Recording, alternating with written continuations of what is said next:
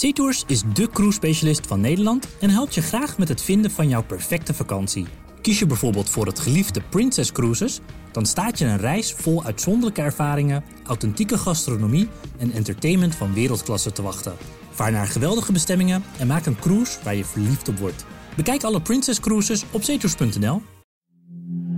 Dit is Elke Dag, een podcast van de Volkskrant. Mijn naam is Pieter Klok, hoofdredacteur van deze krant. Sinds deze week mogen middelbare scholieren hun smartphone niet meer meenemen de klas in. Of de leerlingen hun telefoon op de gang of in de pauze wel mogen gebruiken, beslissen de scholen zelf. Hoe gaan ze met het telefoonverbod om? En waarom is zo'n verbod überhaupt nodig? Dat bespreek ik uitgebreid met verslaggever Haro Kraak en techredacteur Frank Rensen. Frank, om met jou te beginnen. Uh, nou, de telefoon mag dus niet meer mee de klasse in. Maar het is geen wettelijk verbod, maar een dringend advies. Waarom uh, vond de minister het nodig om dit advies te doen? Er zijn in april uh, ronde tafelgesprekken geweest met allerlei experts en onderwijskundigen over de uh, invloed van telefoons op het jonge brein, zeg maar. Mm-hmm. En uh, natuurlijk is het ook vanuit intuïtie al te verwachten dat uh, het hebben van een smartphone tijdens de les, dat dat gewoon een verstorende factor kan zijn. leerlingen die, of leraren die vinden het moeilijk om dat te handhaven soms ook. Het is een beetje een, een uphill battle, zoals dat heet. Maar het jonge brein vindt het vooral gewoon lastig om weerstand te bieden tegen die prikkels. Tegen, Continue afleiding. Precies, ja. En je telefoon is veel meer nog dan een laptop natuurlijk een hele uh, laagdrempelige, uh, zeg maar, uh, ja, leverancier van die, van die prikkels. Van TikTok en Instagram, Snapchat, dat soort apps. Dus was het idee van het is zoveel makkelijker om gewoon te zeggen... in de klas doen we het niet. En er zijn zelfs onderzoeken die zeggen dat um, leerlingen gewoon echt lagere, aantoonbaar lagere cijfers halen ook als ze die telefoon de hele tijd in de, in de achterzak hebben. Dus het was ja. uh, denk ik vanuit, die, uh, vanuit dat ja. perspectief. en Haro, jij was eerder al op een school die al vrij lang een telefoonverbod had. Waarom hadden ze het daar ingevoerd eigenlijk? De leraar die het geïnitieerd had, zei tegen mij van we waren eigenlijk gedurende de les meer bezig met het reprimandes uitdelen over kinderen die op de telefoon zaten dan om een les te geven. De telefoon was gewoon te verleidelijk. De ergernis over hoe die kinderen als zombies door de gangen liepen, soms tegen elkaar aanliepen, omdat ze allebei uh, op de telefoon zaten of zo tegen de grond uh, met de rug uh, zaten te gamen op de grond en dat je nauwelijks er nog doorheen kon lopen. De ergernissen liepen daar zo op dat ze uiteindelijk besloten hebben om een enquête rond te sturen. Uh, naar ouders en naar de leraren. En dat bleek uh, overweldigende uh, voorstem te zijn. 80% van de ouders, 79% van de leraren waren voor. En toen hebben ze het gewoon ingevoerd. Ja, en dit was een gereformeerde school? Ja, een reformatorische school in Zeeland. dat kan meegespeeld hebben dat jij natuurlijk al een beetje tegen de nieuwe technologie, tegen de verleidingen van de moderne leven zou je kunnen zeggen. Ja. dus misschien heeft dat er bij, bijgedragen. Maar dat niet expliciet. Nee, nee. nee. En, en het gekke is eigenlijk, dat lees je de hele tijd terug, dat scholen lijken een soort terughoudendheid te hebben, want ze willen ook graag modern zijn. En sommige scholen willen ja. ook de concurrentieslag met andere scholen winnen, dus die willen misschien ook om die reden mm-hmm. geen verbod. Terwijl als ze het dan aan de ouders vragen en zelfs aan de leerlingen, dat die vrij ontspannen zijn of, of het heel erg steunen, zo'n verbod. Ja. Hoe verklaar je dat die leraren er, er zoveel moeite mee hebben? Ik denk dat het toch een soort levenshouding is, een soort progressieve levenshouding van je moet mee met je tijd. Bij elke nieuwe technologie ontstaat er een soort morele paniek. Weet je, bij de, toen de tv kwam was het van, gaan mensen nog wel radio luisteren of, uh, of, of, boeken lezen? Bij internet en bij social media was het allemaal hetzelfde. Dat is de, de, de grondhouding is van, je kan een verbod eigenlijk niet van deze tijd zien, ja. denk ik. En leraars zijn progressieve types, die willen niet horen bij de mensen die altijd waarschuwen over het verval der zeden. En, ja, ja. Want dat is in het verleden dat altijd meegevallen. Ja. Ja. Want volgens mij is Nederland wel liberaler dan, dan uh, welk land dan ook. Uh, hoe, hoe beviel dat verbod daar bij die kinderen op die school? Ja, wat, wat, uh, wat ik uh, opmerkelijk vond, is dat zeg maar, het begon met het probleem van de concentratie in de klas. Maar zij merkte eigenlijk dat he, het sociale aspect nog veel groter en sneller, duidelijker effect had. Dus de mensen die ik daar sprak zeiden voorheen, als er tien jongens op een rij zaten in de aula, zaten er negen op hun telefoon. En als je iets van zei, haalden ze hun schouders op. Nu, toen ik daar was, renden ze om elkaar heen. Ze waren aan tafel voetballen. Uh, er werd ook echt gevoetbald. Uh, ze waren, uh, weet je wel, aan, aan het klooien en het klieren. En het, het was veel geluid. Er was niemand die zo gebogen met de nek over het telefoontje zat. Niemand die selfies nam. Geen muziek, geen gamen.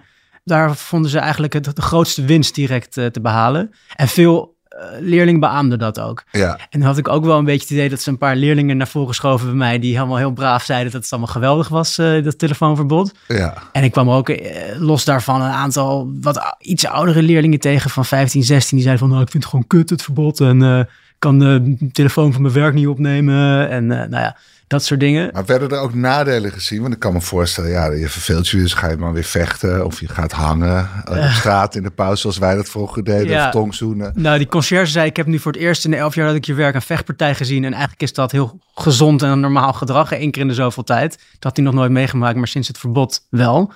Uh, maar de nadelen zijn heel simpel. Van ja, leerlingen moeten hun rooster op hun hand schrijven of uit hun hoofd leren. Uh, als er, een, als er een geval is van een ziekte bij iemand, dan moet er een snelle schakeling met ouders kunnen zijn. Uh, en dan kan er altijd een uitzondering gemaakt worden op een regel natuurlijk. Maar eigenlijk waren er weinig wanklanken te horen. Ja, een paar van die puberachtige, ja, van ik wil gewoon op mijn telefoon kunnen. Maar ja, ja. Nee, de meesten waren het er wel mee eens. Oké, okay, uh, Frank, ja, je, je, hebt ook de proef op de som genomen door zelf uh, heel lang zonder smartphone te leven. Klopt. En, en niet alleen tijdens uh, schooltijd. Ik ga ook al een tijdje niet meer naar school, maar, maar gewoon fulltime. En, en daar heb je een heel mooi stuk over geschreven. kun je nog eens uitleggen hoe, hoe dat jouw leven en, en wereldbeeld veranderde? Nou, sowieso echt dat ze die, die leerlingen nu op school ook wel merken, is dat je. Um, uh, er, eerst echt een soort van fase van whiplash meemaakt, waarin je gewoon merkt zo van, oh die telefoon, dat daar bel ik niet alleen mee, uh, daar, daar zit ik niet alleen voor mijn lol op, daar doe ik niet alleen organisatorisch dingen. Het is echt een soort van alles in één. Dus je merkt opeens dat, nou, bij mij dan buiten de les om, zoveel dingen worden lastiger. De, de, de weg zoeken wordt lastiger. Ik was de hele tijd de weg kwijt. En omdat ik geen Google Maps had, uh, ik moest uh, s ochtends echt eventjes op de radio goed luisteren wat het weer ging zijn die dag. omdat ik moest weten of ik een paraplu moest meenemen, weet je wel. Mijn bankzaken gingen super stroef. Eigenlijk hielden die er gewoon in zich heel mee op. Omdat je hebt voor alles heb je uiteindelijk een check in de app nodig. En die had ik niet. Dus dat ja, moesten, mijn vriendin moest dat allemaal opvangen. Dus de eerste fase is gewoon super onhandig. Ja. En op een gegeven moment dan stabiliseert dat, dat een beetje. En dan begin je te merken dat je ook een hele hoop zonder smartphone kan. Maar daar moet je dan een beetje aan wennen. Dus van tevoren kaartje uitprinten als je naar een nieuwe locatie ergens moet. Langzaam, als je door die fase heen komt, dan wordt het juist, dan je begint eraan te wennen, dan merk je dat het toch wel heel erg waardevol kan zijn om zonder smartphone te leven. Ja, want dit zijn eigenlijk nog vrij praktische dingen die je schetst, mm -hmm. hè? functionaliteiten van je telefoon. Maar, maar wat, wat doet het existentieel met je? Want die, ja, uh, nou eerst dus een kleine crisis, maar dat, dat valt dan uiteindelijk dus wel, uh, dus wel mee. Maar hoe voelt dat? Alsof je een deel van jezelf bent, bent kwijtgeraakt? Ja, echt een soort van uh, ledemaat eigenlijk. Je hebt, je hebt um, een, een soort van ja, cognitief ledemaatverliesje, omdat je, mm. je moet opeens alles onthouden. Ik werd super moe. Uh, omdat ik uh, uh, aan de ene kant dus heel erg kon ontspannen opeens. Maar aan de andere kant dus omdat ik ook heel veel moest onthouden. mijn kalender moest ik opeens in mijn hoofd hebben. Hè. Dat kon niet meer alleen op, op mijn telefoon. Je kon het ook op papier opschrijven. Tuurlijk, ja. Maar die, die, die heb ik... ik heb geen papieren agenda. En die wou ik ook niet... Ik, ja, ik had op een gegeven moment zoiets van... Ja, ik wil niet alleen maar voor deze maand een hele agenda oh, ja, voor een okay. jaar kopen. Dat voelt ook een beetje... Maar goed, dat is even een detail. Ja. Maar je gaat ook heel anders... Nadenken over ja, menselijk contact eigenlijk. Uh, je, spreekt op straat iemand aan als je de weg kwijt bent. Je, je moet echt heel erg bewust tijd opzij zetten op een dag om even wel te whatsappen op je computer of Instagram te openen of uh, je mail te checken, dat soort dingen. En ik denk dat dat aandachtige, dat dat heel waardevol uh, kan zijn. Al is het maar om een contrast te creëren met hoe het is om wel een smartphone te hebben. Maar maak je meer contact met de wereld? Die vond ik wel, ja, ja, ja. Het was, uh, um, ik vind dat, tenminste mijn belevenis van de smartphone is dat het echt een soort van filter over de wereld heen legt. Die ook heel erg uniek is voor jou. Uh, dus je, je, je, luistert naar, naar jouw muziek, je ziet jouw nieuws, hè, die algoritmisch aan jou wordt uh, verstrekt. En dan soms ja, overkomt je van, een soort van gevoel dat jij de hoofdrolspeler bent, om het maar even zo te noemen. Ja. En dat je je ook echt gewoon kan afsluiten van de wereld om je heen. Door de smartphone, als je in de trein zit bijvoorbeeld, dan, uh, dat, dat zou ik ook in mijn stuk, mijn reis van werk naar huis voelde niet als fiets trein, fiets. Het voelde mm. als fiets, smartphone, fiets. Weet ja. je wel? Het was, smartphone was echt een soort van plaats waar ik me een kon... wereld waar je in, in gaat en waar je zelf de hoofdrol in speelt. Precies, ja. Een, een expert die ik hierover sprak, een uh, antropoloog die met zijn groep echt een jaar lang smartphone gebruik over de hele wereld in kaart heeft gebracht. Die zei, je kan de smartphone op allerlei manieren benaderen. Als een, als een soort van zakcomputer, als een soort van Zwitsers zakmes met allerlei functionaliteiten. Maar uiteindelijk is het eigenlijk een, een huiskamertje dat je met je meedraagt.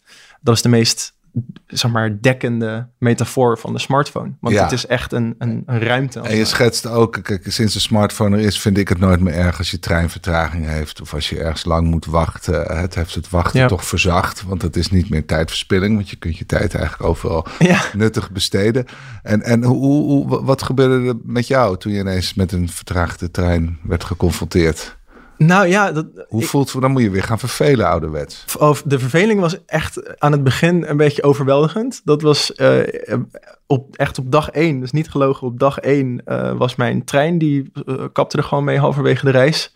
Um, dus in, in Haarlem moest ik opeens uitstappen met de bus naar, naar Leiden. En dat was gewoon een busrit die even lang was als de. Oh, sorry, die twee keer zo lang was als de hele mhm. treinrit was geweest. En ik heb in die, in die busrit echt gezeten van wat, wat moet ik met mezelf? Want ik had even geen zin meer om te lezen. Dat, uh, daar was ik een beetje te moe voor. En toen heb ik, heb ik echt dat ik om de twee minuten naar de klok keek van... Oh god, laat de volgende halte alsjeblieft al in de buurt zijn.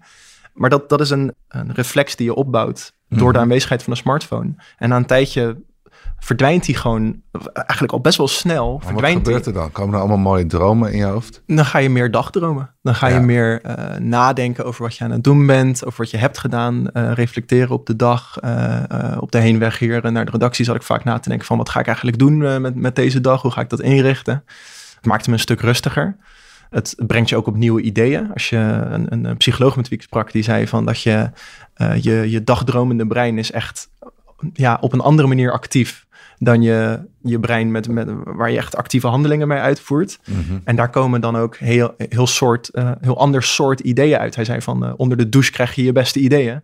Omdat je daar gewoon een ander breinnetwerk uh, actief hebt. Ja, ja, en dat ontzeg je eigenlijk door die mobiele telefoon. Zeker. Maar goed, de verrassende conclusie. Je denkt dan van nou, Frank eindigt ermee dat hij definitief afstand doet van zijn mobiele telefoon. Als je het allemaal zo hoort. Maar dat, dat doe je toch niet? Want Nee, want eigenlijk kwam dat een beetje door mijn gesprek met die, uh, met die Daniel Miller, die, die antropoloog.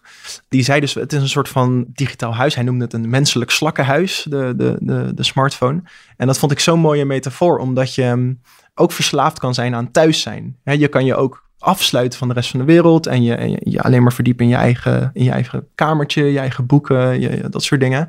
Maar het is heel belangrijk om zo nu en dan naar buiten te gaan. En, om je, en als je dan binnen bent, in je, in je smartphone dus, om dat dan op een gezonde manier in te richten. En niet, ik zie heel vaak als ik naar de, de smartphone van mijn ouders kijk of uh, van andere vrienden, dan hebben ze dat heel rommelig ingericht. En ik, ik vind dat nu dus, met terugwerkende kracht, vind ik dat een beetje... Onhygiënisch. Onhygiënisch, is, ja, absoluut. Ja, en juist doordat ik een maand zonder smartphone heb geleefd, wat ook weer niet zo lang is natuurlijk, maar begon ik te merken dat je mm, op wat voor manieren je je smartphone kan inrichten om die verslavingen, zeg maar, of die, die, die reflexen... kant van de verslavingen te onderdrukken. Ja, net zoals wanneer je ze nu en dan even je huis moet opruimen. Maar wat is er dan concreet veranderd in jouw smartphone gedrag? Nou, concreet heb ik mijn um, een aantal apps uh, verwijderd. Um, een aantal apps heb ik alle meldingen van uitstaan. Dus bijvoorbeeld um, Instagram heb ik alle meldingen van uitstaan, omdat dat, die, die, daar, daar heb ik gewoon niet zo heel erg veel aan. Als ik die app, die open ik gewoon zo nu en dan en dan heb ik het even naar mijn zin en dan eh, ik heb geen behoefte aan meldingen. meldingen maar dat zijn eigenlijk ongevraagde inbreuken in ja, je leven. Maar ook mijn, mijn uh, hele startscherm is nu leeg. Weet je wel? Um, en dat voelt voor mij gewoon Bedoel je is leeg? schoner. Er, staat geen er staan geen apps in. Um, ik heb een, een Android en daarmee heb je zeg maar een, een scherm met al je apps en een ja. scherm met uh, okay. zeg maar je, je werk. Dus je moet actief op zoek naar je apps. Dat is ik moet actief op zoek naar mijn apps, maar die staan ook vervolgens heel, ook wel, gaat ook wel een beetje ver, maar heb ik heel doelgericht zeg maar uh, opgeruimd en in bepaalde mapjes gezet. En dat voelt gewoon echt een beetje alsof ik nu uh, uh, de bezem in de bezemkast heb staan en de, de, boeken op de. En ga je ook wel eens bewust vervelen? Dus dat je in de trein niet je smartphone pakt? Ja, daar, daar, en als ik het niet doe, dan voel ik me nu een stuk schuldiger over. Um, maar ik heb nu inderdaad wel echt tijd op de dag opzij gezet om eventjes niks te doen en gewoon voor me uit te staren. Um, en als ik daar uh, toch mijn smartphone in, in binnenlaat, dan heb, ik, dan heb ik het gevoel dat ik mezelf in de maling neem. Zeg maar. maar nog even naar je ouders. Wat doen die niet goed met hun smartphone? Wat vind je het meest, meest onhygiënische? Nou, dat, ik merk dat ze bijvoorbeeld heel erg opschrikken van WhatsApp-meldingen. Altijd. Oh, En ik denk dat veel mensen zich niet bewust zijn van dat je die meldingen helemaal kan personaliseren. Dus je kan de geluidjes uitzetten, je kan ze überhaupt uitzetten, je kan ze aanpassen per gesprek, per persoon. Ehm, en op die manier kan je eh, een soort van prioriteiten geven aan welke meldingen vind ik belangrijk, welke meldingen wil ik überhaupt zien. Ja. Als ik een bericht krijg van mijn uh, ouders, vind ik die bijvoorbeeld belangrijker dan van een vriend die ik een tijdje niet heb gesproken en die gewoon vraagt, hey, hoe gaat die? Weet je wel. Ja. En dat kan je allemaal regelen. Dat moet ik ook nog even doen. Haro, hoe luister jij hiernaar? Je bent socioloog en uh, een meester in het vangen van de tijdgeest. Uh, wat, wat heeft die smartphone allemaal bij ons aangericht? Inderdaad, heeft hij de individualisering versterkt?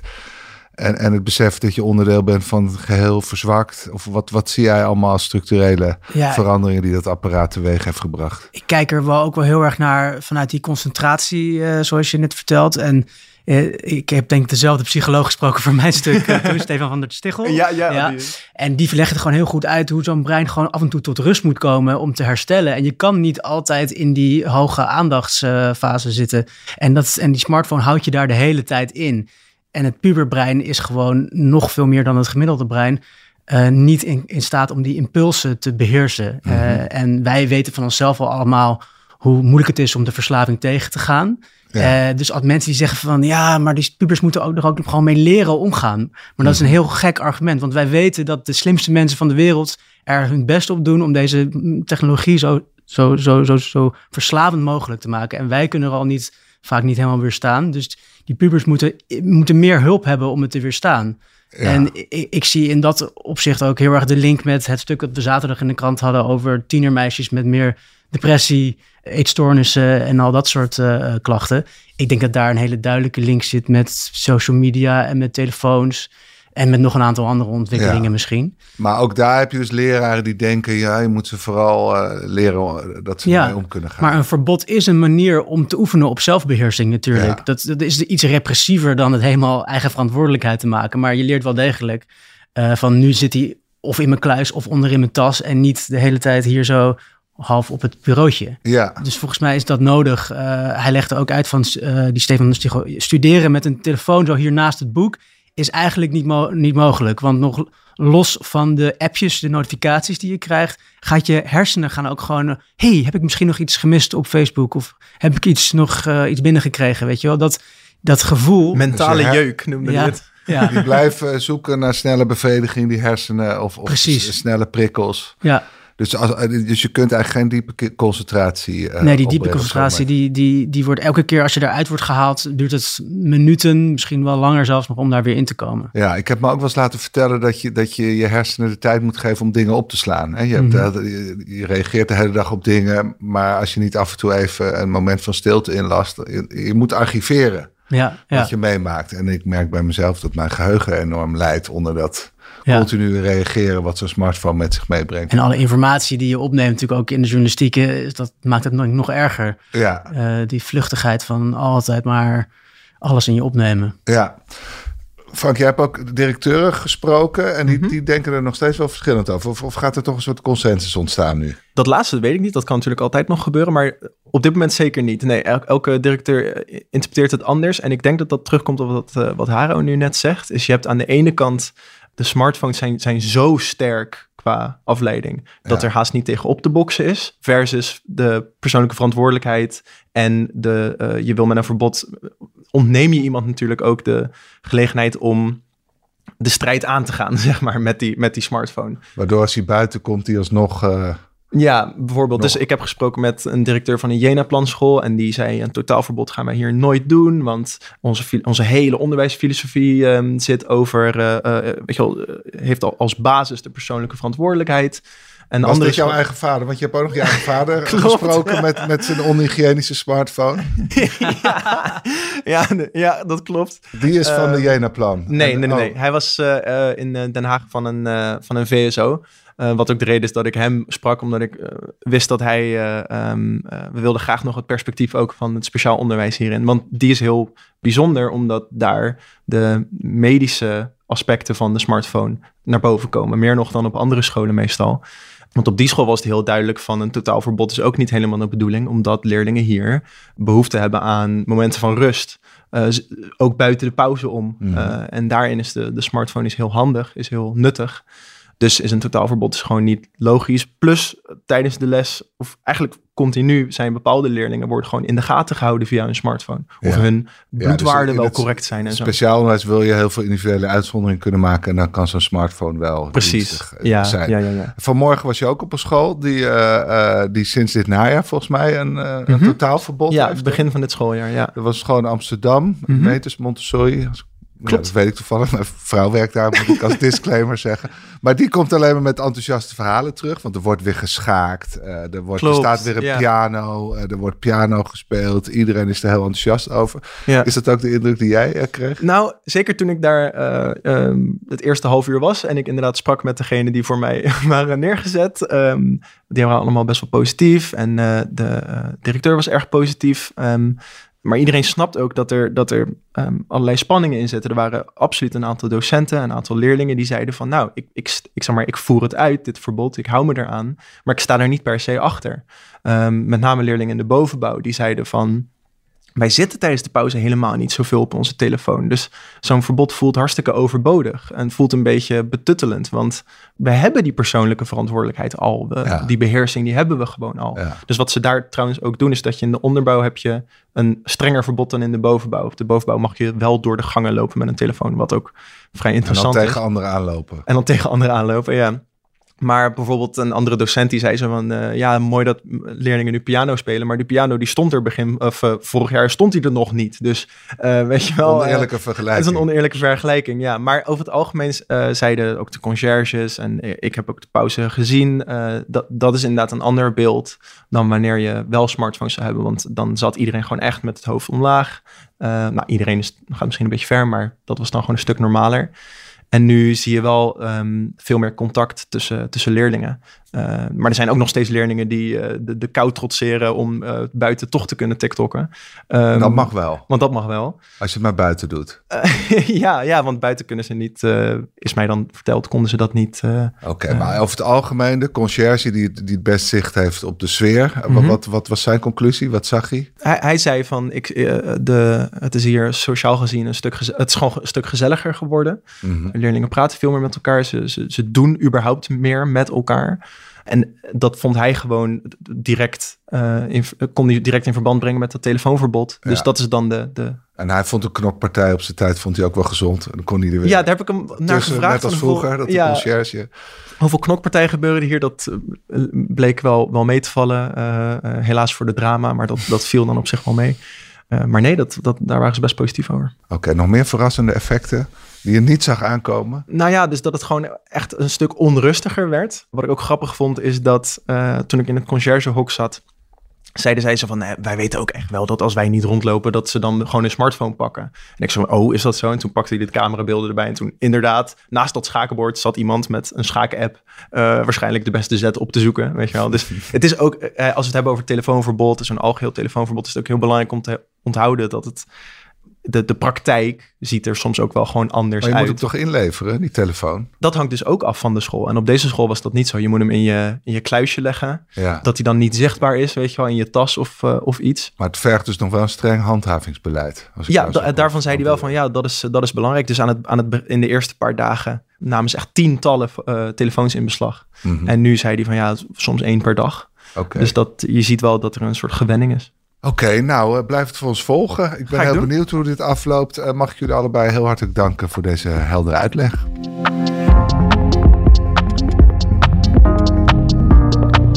En u luisteraar, dank voor het luisteren naar de Volksstand Elke Dag. Deze aflevering werd gemaakt door Lotte Grimbergen, Julia van Alem en Rinky Bartels. Wilt u de Volkskrant steunen? Dat kan, vooral door een abonnement te nemen. En dat kan u voordelig via volkskrant.nl slash podcastactie. Want deze podcast is gratis, maar onze journalistiek is dat niet. Morgen zijn we er weer. Tot dan. SeaTours is de cruise-specialist van Nederland en helpt je graag met het vinden van jouw perfecte vakantie. Kies je bijvoorbeeld voor het geliefde Princess Cruises, dan staat je een reis vol uitzonderlijke ervaringen, authentieke gastronomie en entertainment van wereldklasse te wachten. Vaar naar geweldige bestemmingen en maak een cruise waar je verliefd op wordt. Bekijk alle Princess Cruises op zeetours.nl